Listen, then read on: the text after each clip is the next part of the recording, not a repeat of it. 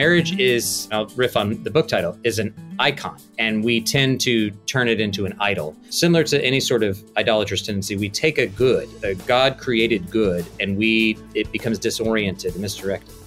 That part of idolatry is what I'm trying to kind of poke at.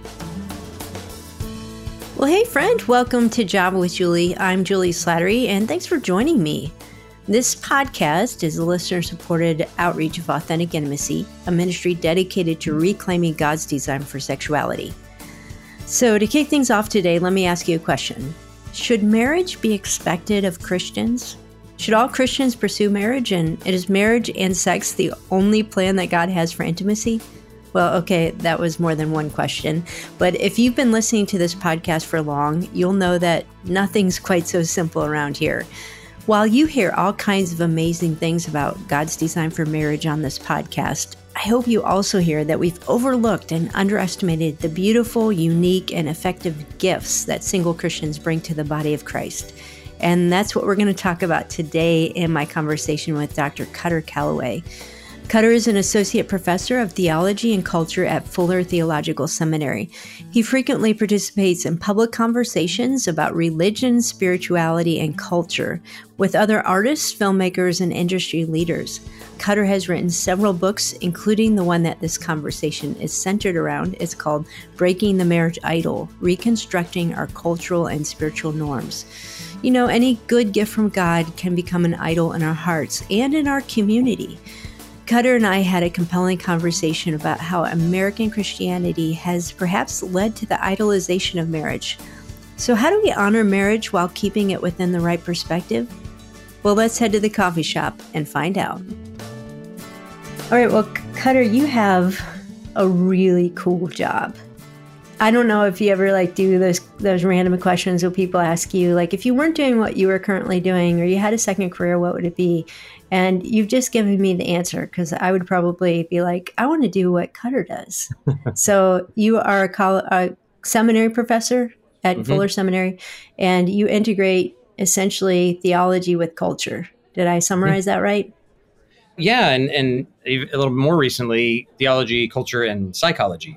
I, we have a whole school of psychology here, graduate program, yep. and I'm a glutton for punishment. So I, I have a second PhD in psychological science, and wow. so my now my more recent stuff is kind of integrating all of those. Like what is what is uh, what is culture doing? How does it function mm-hmm. both theologically, spiritually, but then also uh, psychologically, emotionally. Yeah, Um, well, that's right up my you know. right up my alley. I studied right south of you at Rosemead. So. Oh yeah, yeah, uh, yeah. yeah. So I love the integration of scripture and psychology with everyday life, and um, you do you've done that on a number of different fronts. But the book that really caught my attention and actually has been in my book pile for way too long before I started reading it was Breaking the Marriage Idol.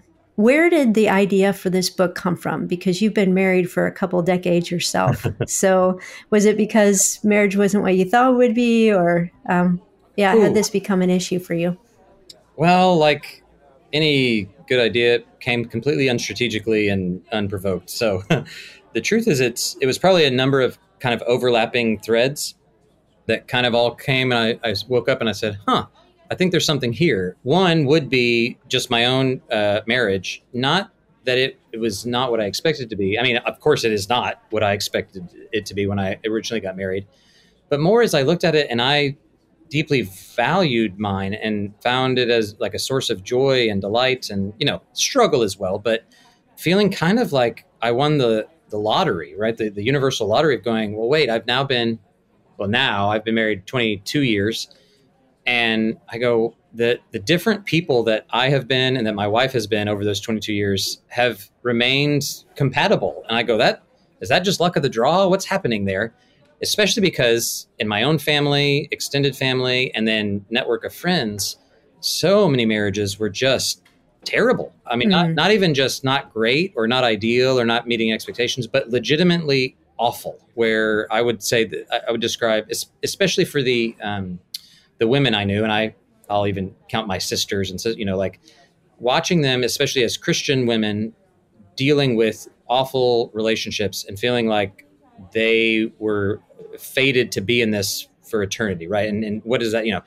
So I go, well, there's something weird here that marriage and marriages in our churches, um, if I added that my pastoral ministry experience, um, the number of marriages that were on the rocks or failing or failed, that was sort of behind it. Me just going, what is it about my marriage that I find joyful and delightful? And why is that the exception? Why does it seem like that's not the norm? And then when this book came out, the year or so before it, um, we started writing it, it was also that just interacting with people, I would randomly run into someone, and they became essentially the. There's various vignettes throughout the book of people's stories, and I just run into them, and they would mention something like, you know, why, uh, you know, I'm a 35 year old successful, educated woman, and I've lived out of my parents' house for you know 15 or 20 years, and yet my family gets a an invitation to a wedding, and I'm the plus one for my parents, even mm-hmm. though my brother who live in their back house gets his own invitation. What's yeah. that about, right? And they just kind of, and I'm like, huh. And I would kind of off the cuff theologize, right, and say, well, you know, that's because we've created marriage into this thing that it's not supposed to be, and da da da da. Thinking, well, isn't that just what we all recognize and know? And in each of those uh, conversations, people would be like, wait, what? What are you mm-hmm. talking about? And mm-hmm. we kind of dig into it. And I kind of just stumbled upon wow, there's something happening within, especially Christian religious communities, that is very powerfully telling folks a certain message about marriage that I was like, I don't think that holds with historically how we've understood marriage or just on the ground how marriage functions. And so it was kind of a, a blend of all those things personal encounters, uh, on the ground stories, my own sort of history that that all kind of merged to go, huh, maybe we should write something about this. That said, I'm not a marriage expert. Um, mm You know, I'm a theologian, uh, a cultural critic, and so that's kind of how then we framed it: of where do these stories come from, where do the messages come from, and then as individuals and as a community, what might we do about it? Hmm. So you're saying, particularly within evangelical circles and community, would you add the qualifier that this is mostly a, a Western Christian cultural issue?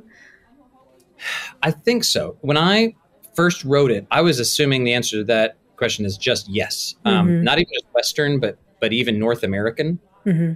What's been interesting is, and and this could be the case for probably just about anything with global Christianity, is the U.S. has exported a lot of stuff, mm-hmm. um, and I actually think this is one of them. I I came into contact um, with a woman named Dani Treweek. Um, yeah, I know has, her. She's been on yeah, the podcast great. before. Mm-hmm. Oh, great! She has a new book coming out. Um, mm-hmm. That's great. I've I, I endorsed that as well.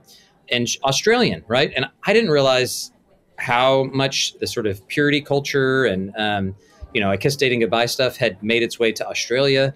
I've run into some other people in uh, South Korea, similar mm. kind of a thing they're all different, right? It's a slightly different thing, but but I've been kind of struck by the way that the sort of globalization of American Christianity has affected people. That said, I still think my sense is it's most pronounced not just here in the West or North America, but even maybe generationally. There's a I'd say a 20 to 30 year group of folks, a cohort that probably feel this most acutely given where evangelicalism has come from and then kind of where we're at right now culturally uh, in terms of where people are getting married or not getting married et cetera et cetera so i still that's my expertise that's what i know but i don't want to cut off the rest of the world as if they don't encounter similar things sure well you know like the point that you make in your book and you even start the first chapter with this what the christian culture believes is not completely separated from the larger cultural narratives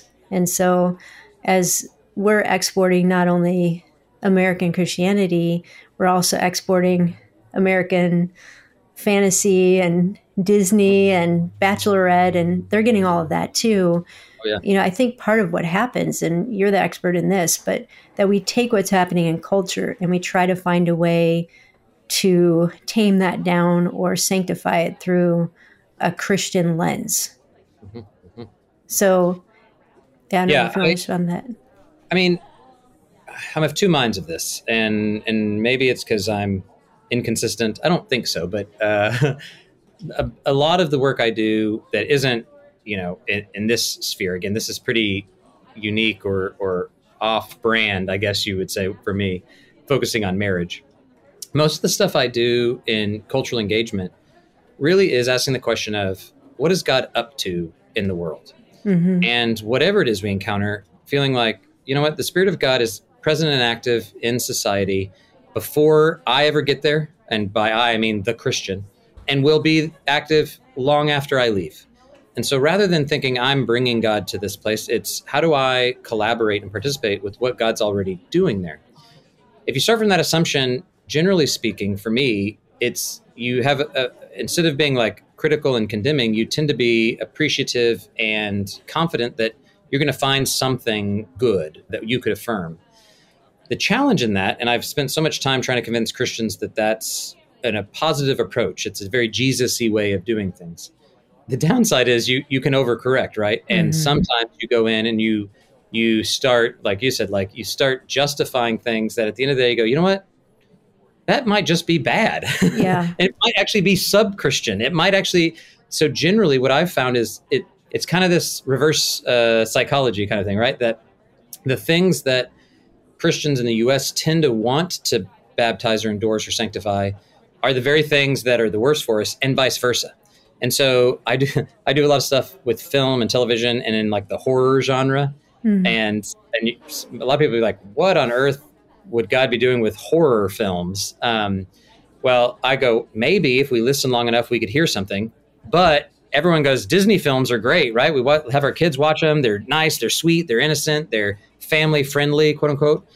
And yet, I think if we listen long enough to those, we could see some really damaging narratives. And so it's a bit of both and. Um, I don't want to say that there's anything wrong with going God's at work in legitimate ways in culture, but we do need to always have that sort of critical move of going, and yet we're not saying yes to everything. There's always that, well, hold on. In what ways is this uh, maybe sub Christian? In what ways is it really just not leading to flourishing? So we, we could even set Christianity aside, but just go, is this is this good for us as human beings? And if mm. not, I want to think about how how God might be uh, up to something, even in that process of discernment. So, a major premise that you have in this conversation is that we need to challenge the assumption of marriage being sort of the default. That mm-hmm. most people are going to get married, that marriage is the right thing, it's the right relationship for most people. And, you know, I think some churches would even go so far as to, they don't say it out loud, they at least say it intuitively that you're not a complete mature person until you get married. And they might add and have children. So mm-hmm. let's talk about that for a minute. Like, why is that not the right assumption for us to be making? Well, I think there's a number of reasons why it's not the right assumption. I've actually been shocked by how you know usually i'll say it's usually implicit or implied. Mm-hmm. no one will come out and say it. And yet actually i end up people send me examples of like actually here's my pastor just said this right? Yep. and, and mm-hmm. sometimes it really just is flat out explicit. God made you for marriage. Right. Here it is. We're i've gonna, seen you know, it. I've heard it. Yeah. And then that matches up with another kind of what i would call the myth of the nuclear family where we even say societally that's the core right? If you mm-hmm. if you start poking at not just family, but the nuclear family, all of Western society will break down, right? Okay. The reason that I think for Christians, uh, we want to challenge that as the norm. Now, again, uh, for anyone who reads the book, I'm not saying that marriage is bad or people shouldn't pursue it. It's a great, wonderful good designed by God. But in terms of it being the expectation that everyone is moving toward in which we should uh, send them, I think there's a few reasons why we challenge that assumption. One, it's just basic statistics that marriage is very hard and requires a lot of both partners in it. And it and demands a, a great deal of the individuals that not everyone is necessarily called to do for all sorts of reasons. And to say that everyone's calling can incorporate marriage into their lives i think is just works against uh, the examples we see in scripture um, both of the actual apostles the life of jesus many of our uh, great patrons in scripture, but then also in church history in terms of how we've received the Christian faith. So that's one thing, just looking at like what actually is and who has been married, who has not throughout church history and in, in scripture. But the other side of it is more theological, and that would be what does it mean to be human? And a lot of what scripture gives us is this question and I think when we reread it, one of the tendencies of of why we get the people that say, "Oh, you ought to be married," is because they're reading passages in the Bible that really are getting at what is a human. and sometimes marriage is involved in that, the metaphors and whatnot. And we quickly punt to, oh, to be fully human means to be married or in this kind of relationship. I think that's a misreading. I think mm. what, what the scripture's getting at is a deep sense of relationality, a deep sense of submission to the other, sort of unity and difference. Um, all these, a, a sexed existence, so that we are actually sexual, sensual creatures. All of those things are involved, but it doesn't necessarily land or end in marriage. And the, you know, very easy, quick, quick reasons are well, if we're going to say that to be fully human is to be married, to fully live out your vocation, to be a full, thriving member of the community of faith requires marriage, you immediately stumble upon the fact that Jesus, the most full human that has ever existed, was not married, did not have sex, and in fact tells us about the kingdom to come where we will not be married or giving each other marriage. So I go, if the kingdom to come, we won't be married, and the image of God, who we are emulating, is not married, why are we suggesting that to be fully human, you ought to be married? So that's the more theological side.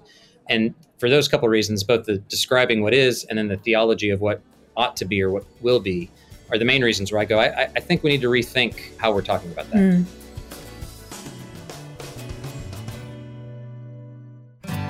Hey, friend, this is Julie. And if you're a single Christian who's feeling alone or struggling right now because you want marriage, I want to point you to a very specific resource. It's a two part webinar series we recorded last summer called Sex and the Single Christian.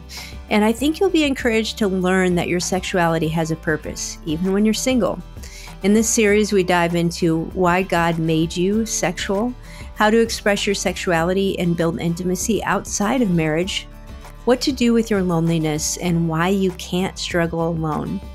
Now, if you're an Authentic Intimacy member, you can access that Sex and the Single Christian webinar series anytime for free. We'll link to that in our show notes or just search for it at AuthenticIntimacy.com.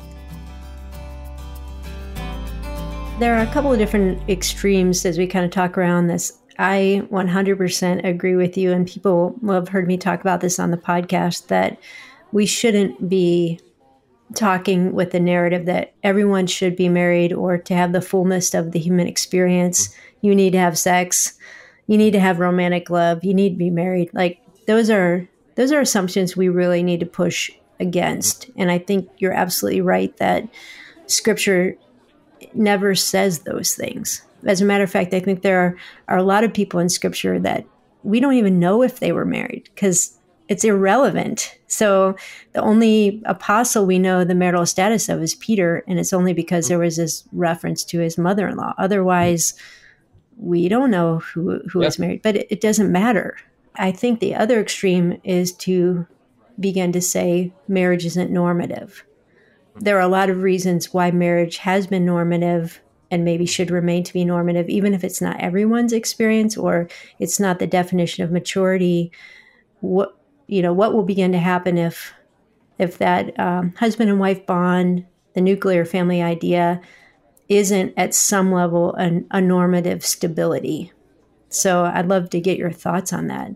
Yeah um, yeah thanks for that. Uh, I, I think part of it depends on w- what you mean by normative. So that maybe we could parse out a little bit when I use the language of normative, and actually the the original title I had in mind for the book was "Sex, Saints, and Singleness: mm-hmm. Why Marriage is Not Normative for the Christian Community." Right, um, mm-hmm. and then I use that language in the book a lot in terms of what are norms. Um, I think of a norm more in the sense of the sort of scripts that we create that become implicit and assumed, and that becomes the default.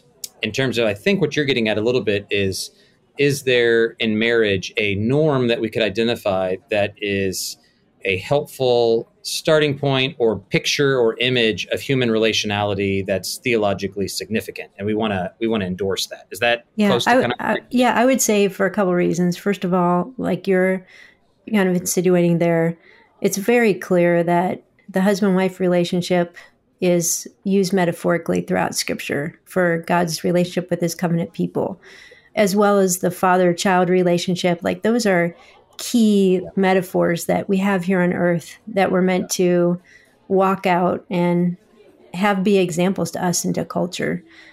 Another thing I would say is that marriage, for many people, not for all people, is the way that God provides for us. So God provides care, stability, a place to exercise our sexuality and sexual intimacy. It's also the way that He teaches us, for many of us, like the hardest person to love is your spouse. And so there's this refining of who we become and how we learn to love. So there's all these good things that God intended for individuals and for a culture. Like when you just even look at the research of fatherlessness and um, you know unwed pregnancies and like culture becomes chaotic as we get away from saying this is the normal path for many people, not all people. Yeah, that's good. And I think the way I would think about it, so I agree, and would say the what you're describing, I think, in the language I would put it in, is marriage is, and I'll riff on the book title, is an icon. Yeah. And we tend to turn it into an idol. Mm. Augustine, I, am pretty sure it's Augustine. Um, he would he would have said something like this if it wasn't him. But um, uh, but essentially, idolatry is taking a, a, good and misdirecting it, right? Pointing it mm. into to an end. So sexuality is one of these things. It's sex itself, and it, sexuality is not inherently wrong or sinful, but we uh, those desires become misdirected. and the misdirection is where we go wrong similar to any sort of idolatrous tendency, we take a good, a God created good, and we it becomes disoriented and misdirected. That part of idolatry is what I'm trying to kind of mm-hmm. poke at. But I do think exactly what you're saying that marriage functions as really in its ideal state an icon. It images for us certain ways of relating to God and to each other that are incredibly important. And then to your, to your point about justice and provision, it is the way that most human societies have accounted for people you know in the book and people that go read it will see i think the christian vision though takes marriage beyond the nuclear and expands it right? So it actually deepens what you're saying and suggests that it's not even just marriage but it's jesus is inviting us into a new kind of family. So you have jesus you know his his mom and brothers come he's like well who are my you know you know? And then you have paul saying i wish that everyone were single like me right? But well how would that be possible? It's only possible if this community is actually caring for the material needs of other people. So you can't, everyone can't be single if it turns out, and this is very real now, especially the longer people delay marriage, etc. We now have people who are aging and remain single, and they literally have nobody to care for them in old age. Mm-hmm. Well, who who other than the church should be doing that? Their right. their family, their their adopted family, right? So I, I think that the challenge is if we say marriage is central and critical, yes, and yet Jesus is inviting us to expand that in ways that relativize, I think, the marriage relationship, even without saying ever discounting it as a as an icon, right? That it is is so important. And I also think, you know, part of what you get out of your book, which I think is huge, is we need to reframe it.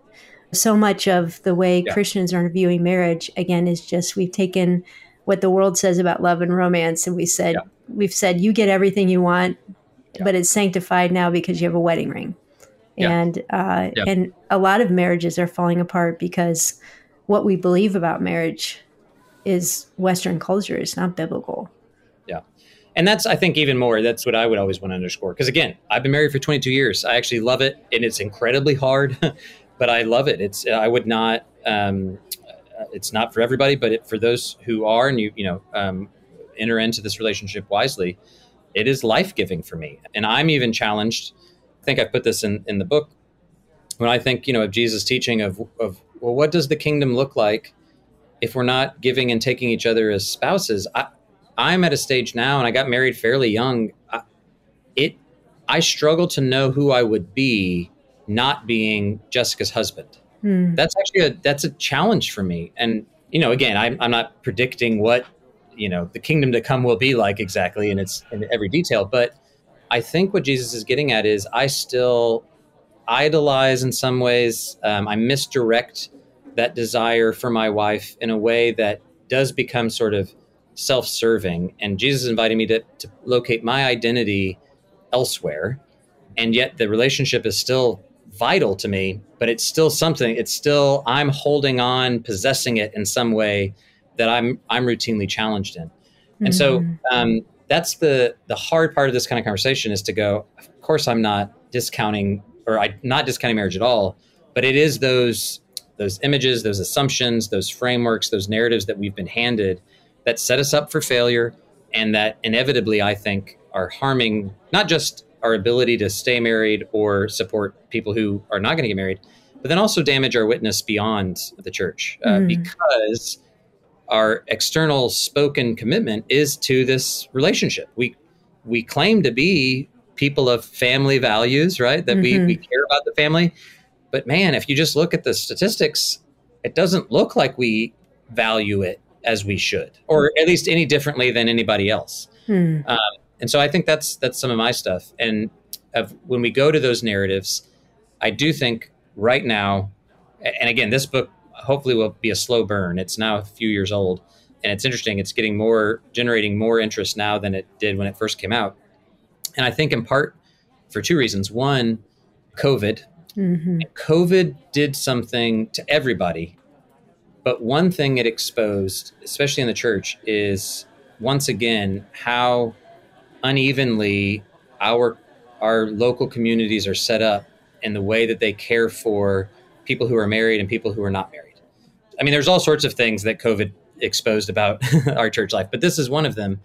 Where an example I give is, you know, I it was me, my wife, and my three young kids when COVID first hit, and that was a lot in our little 900 square foot house and we're doing remote learning for three elementary i'm trying to work from like the challenge i faced was an inundation of human contact mm-hmm. like i was just ah you know it was just too much get away from me you know uh-huh. But for my single friends who and i'm live in southern california and we we locked down i mean like mm-hmm. this we were mm-hmm. one of the regions that you were we heard down. about you on the news yeah exactly and i mean this is like we don't put people in solitary confinement in prison because mm-hmm. it's such a cruel form of punishment. And that is a radically different experience that people who are single and or living alone experienced something like a pandemic.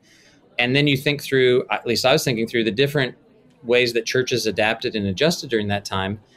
There were resources for families and, you know, we would do VBS with on Zoom, whatnot. And I, I just wonder, what were we doing for those who were single, right? Um, and and not that nothing was happening, but it, the weight, the gravitational yeah. force goes to married and family.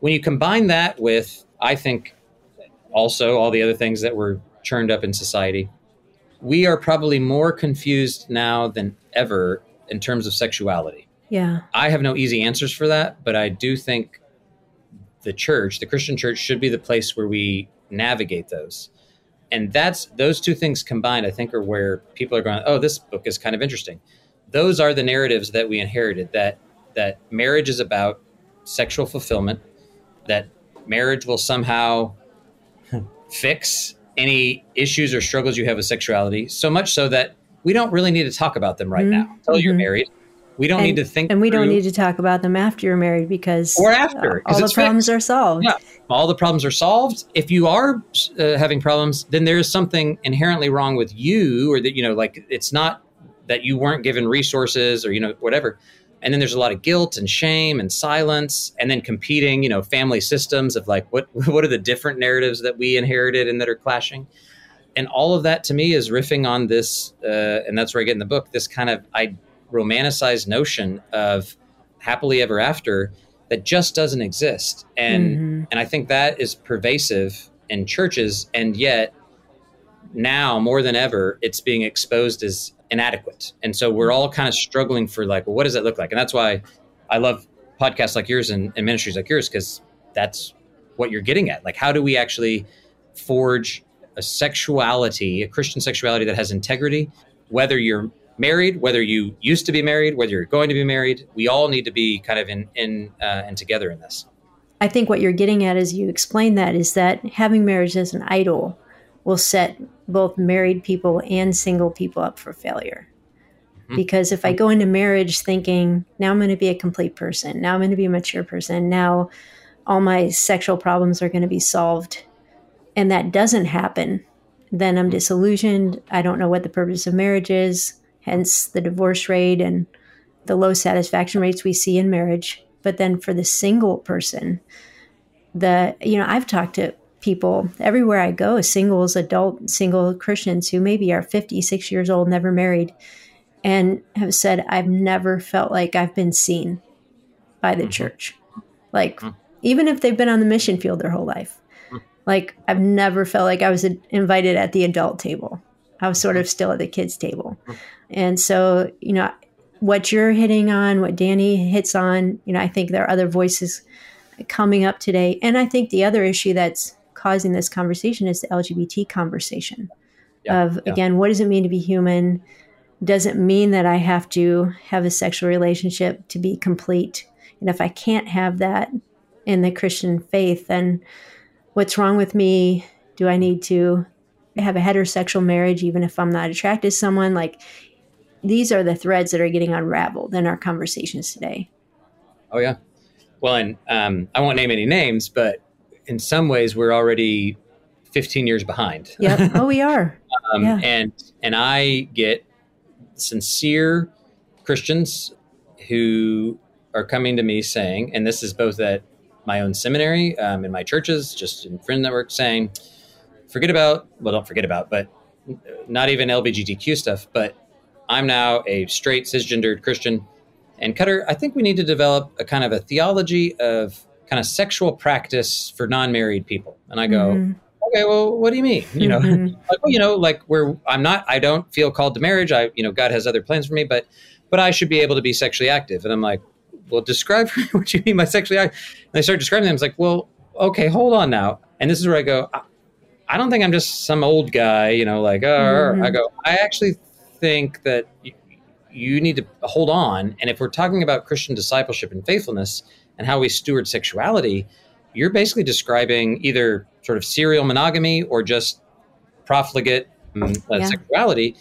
And I was like, is that in your mind? Can we actually advocate for something like that? And yet, that is where the cultural conversation is is already going. Mm-hmm. Is even challenging. Okay, I don't want to get married but sex is a it's a it's like a a given, a God given right or something like that. Well, that you I can't. Be, the yeah. the narrative is you can't be a self actualized person if you're not exactly. not only sexually active, but you have to be sexually expressive based on yes.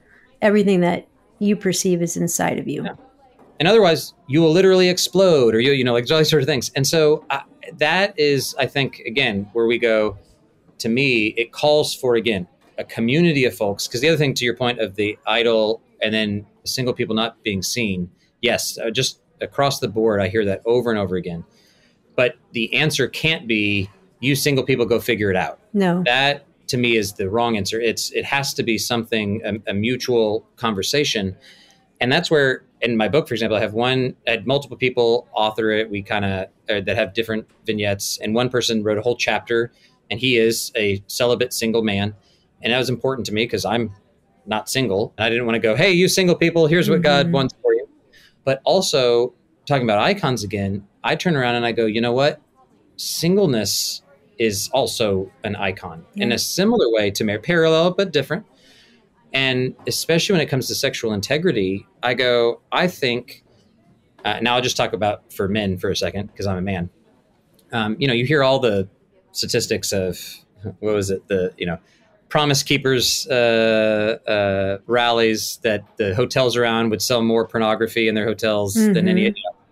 And I go, married men who are have theologically, biblically approved sexual lives need to find ways to steward their sexuality in seasons where they they cannot have sex with their wife.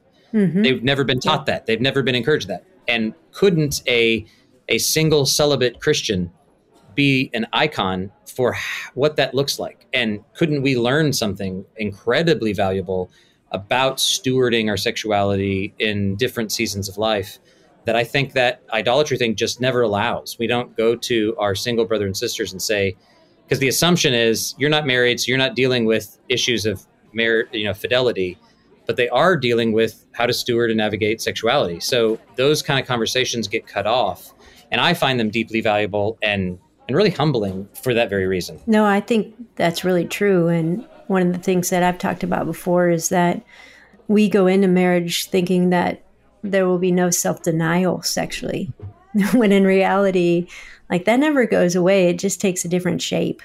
And I mm-hmm. think to have conversations that help each other and edify each other, single and married, is huge. Like for I think single people to hear some of the struggles in marriage and that all of your wants and desires and needs aren't met can be very reassuring. And then for married people to hear about the stories of COVID and about the loneliness, it, it helps us appreciate what we have yeah. instead of oh, yeah. wanting to get out of it. I think it was in the uh, the small group that the discussion group that I was invited into where I said something like, I think they asked about being egalitarian or something. And I'm like, I, that's the language mm-hmm. that describes me, but it's not actually, doesn't go far enough. I was like, I, I don't know what the more extreme version of egalitarian is, but, but I go, my vision of marriage is essentially you wake up every day and die to yourself. Mm-hmm. That's in my vision, the, or my understanding, the, the sort of Christian vision of marriage. And that's a hard, that's hard to market, but it's true. There's this, and, and that includes sexuality. Like, the notion that you're entering a relationship where you may have to deny your base sexual desires each and every day to some level is not what we usually sell to people. And what that calls for is really interesting, especially now. And there's a number of uh, folks that that I'm in conversation with, either at church or or elsewhere, that come into marriage with a history of uh, sexual trauma. Mm-hmm. And the kind of things that marriage churns up in light of that traumatic past presents you know a lot of difficulties in terms of uh, spouses and how they interact with one another what they allow for what they expect. And i think that also increasingly will will be something we need to really consider. And i don't know if it's because now it's uh, you know let's say post me too it's more talkable or if there's some generation of, of, of men and women that have, for whatever reasons, experienced sexual trauma in their past. But that right now for me is something that is kind of the leading edge of how do we think about navigating our sexuality, especially in a sexually broken society when you have two broken sexual beings coming together in marriage that's a whole nother level of complexity on top of you know if you had some let's imagine an ideal mm-hmm doesn't really exist. So, yeah. what do you make of that? I, um, are, are, is this something that is increasingly common, or is it just we're now talking about it, have language for it, and it's always been an issue? I think it's always been there. You know, I think 10 years ago, women would just say, I hate sex and I have no desire. And today they're beginning to identify sex is triggering for me. Um, I have a lot of body shame. And so they're they're giving the language and the roadmap to be able to connect those dots. And it's not just women, it's men as well. So mm-hmm. that's a lot of the work that we're doing at Authentic Intimacy is is helping couples navigate what does sex look like. Yeah. We're all broken. We all have different brokenness we bring, but with pornography becoming the norm and not the exception with the levels of sexual trauma that people are dealing with, it it's definitely getting more complicated. But I think a lot of what you're addressing in this book too also complicates it. Our narrative, mm-hmm. our expectation going mm-hmm. in, and mm-hmm. not being able to self assess what's normal. Because if, if this is what you think marriage is, if this is what you think a Christian marriage is, and you are navigating really difficult issues and you're not able to talk about them or level set, you just think, wow, this is broken. I need to get out of this it is it is much harder oh, much harder i don't know if that's quite right but imagining this kind of conversation for those who are not a part of the christian community the mm-hmm. difficulty for christians is we add the unfortunately the burden of it being about our faith there's like this implicit condemnation that we fear i think that if we're not getting it right or if we're struggling or whatever there's something about our faithfulness that's being questioned and and that's back to those those scripts whether someone comes out and says it or not it's pretty clear you know that those who are faithful and and have uh, abided by god's sort of moral imperative will have a, a, lovely and simple and easy marriage and those who do not will you know mm. now what's interesting is biblically there is something about the Judeo-Christian history that we're prone to that. That we often revert, whether it's you look at Job, whether it's you look at Proverbs, Ecclesiastes, whether you look at you know Jesus and people coming going, well, what did his parents do to cause him? You know, mm-hmm. we default. There's something about our we yeah we're, we're inclined somehow to say what what is it the fundamental attribution error right that mm-hmm. somehow mm-hmm. I've done something morally suspect to get this result as opposed to a lot of this is external conditions that have been foisted upon me um, and as Christians, when that is connected to God's love for you, the community's compassion for you, etc., it becomes an almost unbearable burden. And maybe this is a side note, but this is to me why it's not entirely surprising that, but I'm still kind of taken aback by the amount of people that deconvert from Christianity. And part of that deconversion is the disillusion of their marriage. Oh, I think it's so true.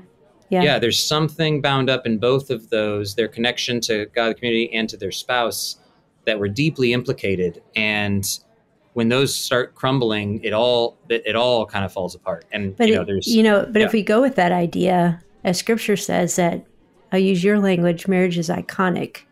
Mm-hmm. Then there mm-hmm. is some mysterious link between how I experienced my marriage and sexuality with what my what my presuppositions are or my experience of God and His covenant.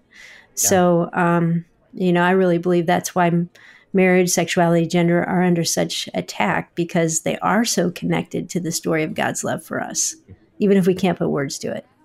Yeah, and I, and I think it's probably also why I'd love for someone to deconvert from Christianity and stay in their marriage. But I can understand why those are connected in that way, exactly to your point, because in a good way, the good, the charitable read is we do speak of marriage in that way, that this is emblematic of your relationship with God. And so when you enter into this covenant, it is a covenant with God and with the community. And so if you're leaving, let's imagine you go, okay, I'm no longer in a covenant with God. Well, then that makes sense. The dominoes would fall from there. Right. The less charitable read of that is we've we've set that up that rightly it's an icon, but the sort of markers or the criteria for whether it's successful, the criteria for what it is that's going on is flawed, deeply flawed. Mm-hmm. And then again, that gets back to the book of it's, you know, it's Disney princesses, it's Bachelorette, and it's Taylor Swift. Although Taylor Swift, interesting, right? She just recently, uh, she's evergreen and just got the record, first artist in history to have all 10 of the songs in the top 10 of the Billboard 100 charts. Wow. So there's something about her music, about her artistry, about what she's getting at that continues to resonate with people. And it continues to be about romance, right? And mm-hmm. whether it's failed, whether it's whether it's not failed, whether she's cynical, whether she's positive about it. But there are there are some Swifties out there that go, that that story is is resonating with me on some level. And that's where I think as Christians who are considering sexuality and romance and stuff, those are helpful sort of indicators of going where are we at as a society and how can we how can we listen to Taylor Swift and learn something about some of those scripts that we're uncon- are unconscious, right? But that we are imbibing. You know, same is true with Disney. Like the stories yep. resonate for a reason. And yeah. I believe they resonate because they tell the story of the real prince we're waiting for, the real romance that we are created for. Mm-hmm. But when you take the icon and you make that the yep. end goal instead of something that's supposed to be pointing, yeah. you know, so it, so there is a truth that it's resonating yeah. with. There is a longing yeah. that Absolutely. it connects with. As we wrap up this conversation, I feel like I could talk to you all day about this stuff. so we'll have to have another. I'm an out loud processor, so I answer That's questions. all right. No, we'll have another so. go at this at a later time. But I'd love just to close with three of the things that you say we need to do, and you talk about them right in the beginning of of mm-hmm. your book. Is we're not taking marriage seriously enough, we're not taking singleness seriously enough, and we're not taking the scriptures seriously enough. Mm-hmm. And you know that sort of seems like your call and what you're writing throughout the whole book. Yeah, no, I, that's absolutely right. That the answer isn't to come up with some, I, I think, to some other alternative but it's to go deeper into the heart of who God is and uh, and who we are in light of being created in the image of God. and so that process involves identifying those uh, those narratives that don't resonate with God's heart, and then identifying the ones that do, and saying how can we be better about being storytellers. Really, one just quick story to kind of get at that is my daughter who I'm Baptist, but actually we attend a Nazarene church right now, and Nazarenes are fully open endorsing of women in ministry. Mm-hmm. And I'm kind of I'm a preacher, right, a Baptist preacher, and we can say all we want to as a church that we support women being preachers and being in ministry, being pastors, but at our local church, there really are no women up doing this thing called preaching or leading until we had one summer series where a woman got up and she didn't even technically preach. She shared, I think. Um, but she could have preached. There would have been no problem. Anyway, later that day, my oldest daughter, who was probably seven or eight at the time, uh, comes home and she grabs my music stand and puts a, a, kid's Bible book out and starts like preaching to us. Uh, uh you know, I'm like, what's happening? And I realized in the moment, I'm like, oh, okay. There's something about the stories we tell that aren't necessarily what we say, but it's the pictures we offer, it's the rituals we go through, it's the symbols that we give, the, the vision we give to people that allows her for the first time to go, oh, I could be that. This is who God could call me to be. And I think that's exactly the case both for marriage and for single folks to say, to take both of those more seriously is to say, rather than just assume it as a norm that no one has to talk about, go, how do we hold up those marriages publicly that are that are deeply connected to the heart of God and use those as symbols for people to look at, to point at, to follow after in their own marriages. And then similarly, how do we do the same for single people so that Paul going to the people reading like, hey, look at me, right? Like look at me and follow what I do because I'm an emblem of what you should do. So who are those people in our midst that are faithful disciples of Jesus who are single that we want to hold up and go, their lives are emblematic, they're iconic of the kingdom, so that someone who is single going, it's possible, right? Mm-hmm. This is mm-hmm. this is a possibility. I could live into that, no matter how much you say that's true, until you actually take it seriously and, and um, tell the stories in those ways. And that's, I think, where what I mean by take singleness seriously, marriage seriously, and and the Bible seriously as a community. Well, I hope this conversation has challenged your thoughts on the gifts of both singleness and marriage. And I'm thankful for Kutter Callaway's willingness to challenge our church traditions and hold them up against the light of God's Word. Now, if you want to dig deeper, we'll link to his book, Breaking the Marriage Idol, in our show notes. And if you're a single Christian who's feeling alone or struggling right now because you want marriage, I want to point you to a very specific resource. It's a two part webinar series we recorded last summer called Sex and the Single Christian. And I think you'll be encouraged to learn that your sexuality has a purpose, even when you're single. In this series, we dive into why God made you sexual, how to express your sexuality and build intimacy outside of marriage, what to do with your loneliness, and why you can't struggle alone. Now, if you're an Authentic Intimacy member, you can access that Sex and the Single Christian webinar series anytime for free. We'll link to that in our show notes or just search for it at AuthenticIntimacy.com. Hey, thanks for listening, and I look forward to having coffee with you next time on Java with Julie.